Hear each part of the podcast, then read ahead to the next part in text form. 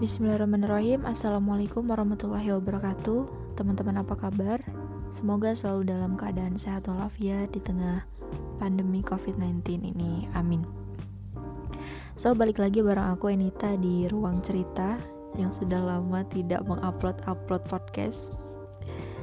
Mohon maaf ya Tapi ya udah nggak apa-apa lah. Baik teman-teman Kali ini di podcast ini Kita bakal ngebahas tentang gaya hidup minimalis atau minimalism lifestyle yang slogannya itu less is more. Nah, teman-teman, sebenarnya apa sih gaya hidup minimalis itu? Jadi, gaya hidup minimalis itu adalah gaya hidup yang merujuk pada kesederhanaan dan prioritas yang diutamakan. Artinya, orang yang, merupa, yang menerapkan gaya hidup minimalis ini tidak dianjurkan untuk membeli, menyimpan, menggunakan barang-barang yang berlebihan, dan juga mereka itu menerapkan prinsip apa yang dibutuhkan, bukan apa yang diinginkan. Nah, contoh gaya hidup minimalis ini kerap kita temui ketika kita berbelanja pakaian. Kebanyakan dari kita nih, kalau mau belanja baju, itu ngelihat style fashion dulu. Jadi butuh nggak butuh kita pasti beli baju yang kita mau bukan yang kita butuhkan. Dan sebenarnya kalau dilihat lagi baju di lemari itu udah banyak. Tapi karena lapar mata ya beli aja gitu. Ber berbeda dengan orang minimalis tadi teman-teman mereka itu pasti akan membeli baju yang mereka butuhkan saja karena orang minimalis sangat anti untuk menumpuk barang dalam skala banyak gitu. Gaya hidup minimalis ini juga teman-teman sangat menekan pada kesederhanaan.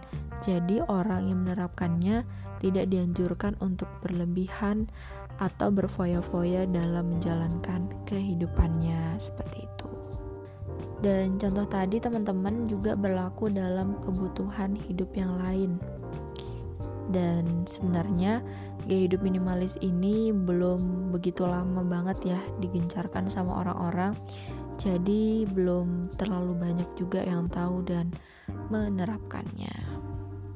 Tetapi teman-teman, bagaimana kalau kita melihat dari kacamata Islam sendiri mengenai gaya hidup minimalis ini?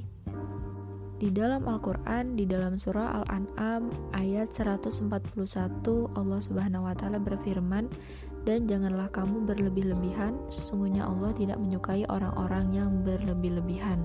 Kemudian, hai anak Adam, pakailah pakaianmu yang indah di setiap memasuki masjid.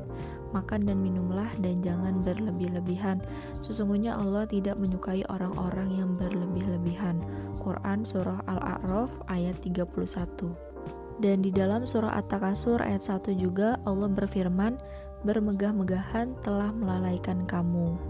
Nah, ternyata teman-teman, Islam sudah mengatur gaya hidup yang disebut minimalis ini sejak lama. Bahkan Allah sendiri yang menurunkan ayat tersebut di dalam Al-Quran. Lalu, bagaimana Rasulullah sendiri dalam menerapkan gaya hidupnya pada zaman dahulu? Apakah beliau seorang yang minimalis? Hmm, jawabannya ya sudah pasti ya. Rasulullah yang merupakan manusia paling mulia yang sudah dijamin surganya adalah manusia yang menerapkan kehidupan sederhana. Walaupun sebenarnya kehidupan mewah bisa didapatkannya, tetapi gaya hidup sederhanalah yang menjadi pilihannya. Bukan karena alasan bertele-tele, melainkan firman Allah tadi yang menjadi pedomannya. Masya Allah banget ya nih. Dalam hal ini juga teman-teman, Rasulullah telah mencontohkan hal-hal minimalis yang berdampak maksimalis ketika kita terapkan. Seperti makan secukupnya, berpakaian yang tidak berlebihan, tidak menumpuk harta dan lebih baik bersedekah, membeli sesuatu yang dibutuhkan bukan yang diinginkan. Hal ini penting untuk kita lakukan, teman-teman, karena Rasulullah mengajarkan kita untuk hidup sederhana agar kita paham ketika hidup bergelimang harta dan menumpuk banyak barang dapat membuat kita terbuai akan materi dunia saja. Dan satu hal yang perlu kita ingat bahwa segala yang kita miliki dan yang kita lakukan ini akan dimintai pertanggungjawaban di akhirat kelak. Begitu teman-teman. So, so sampai di sini terima kasih buat teman-teman yang udah dengerin sampai habis.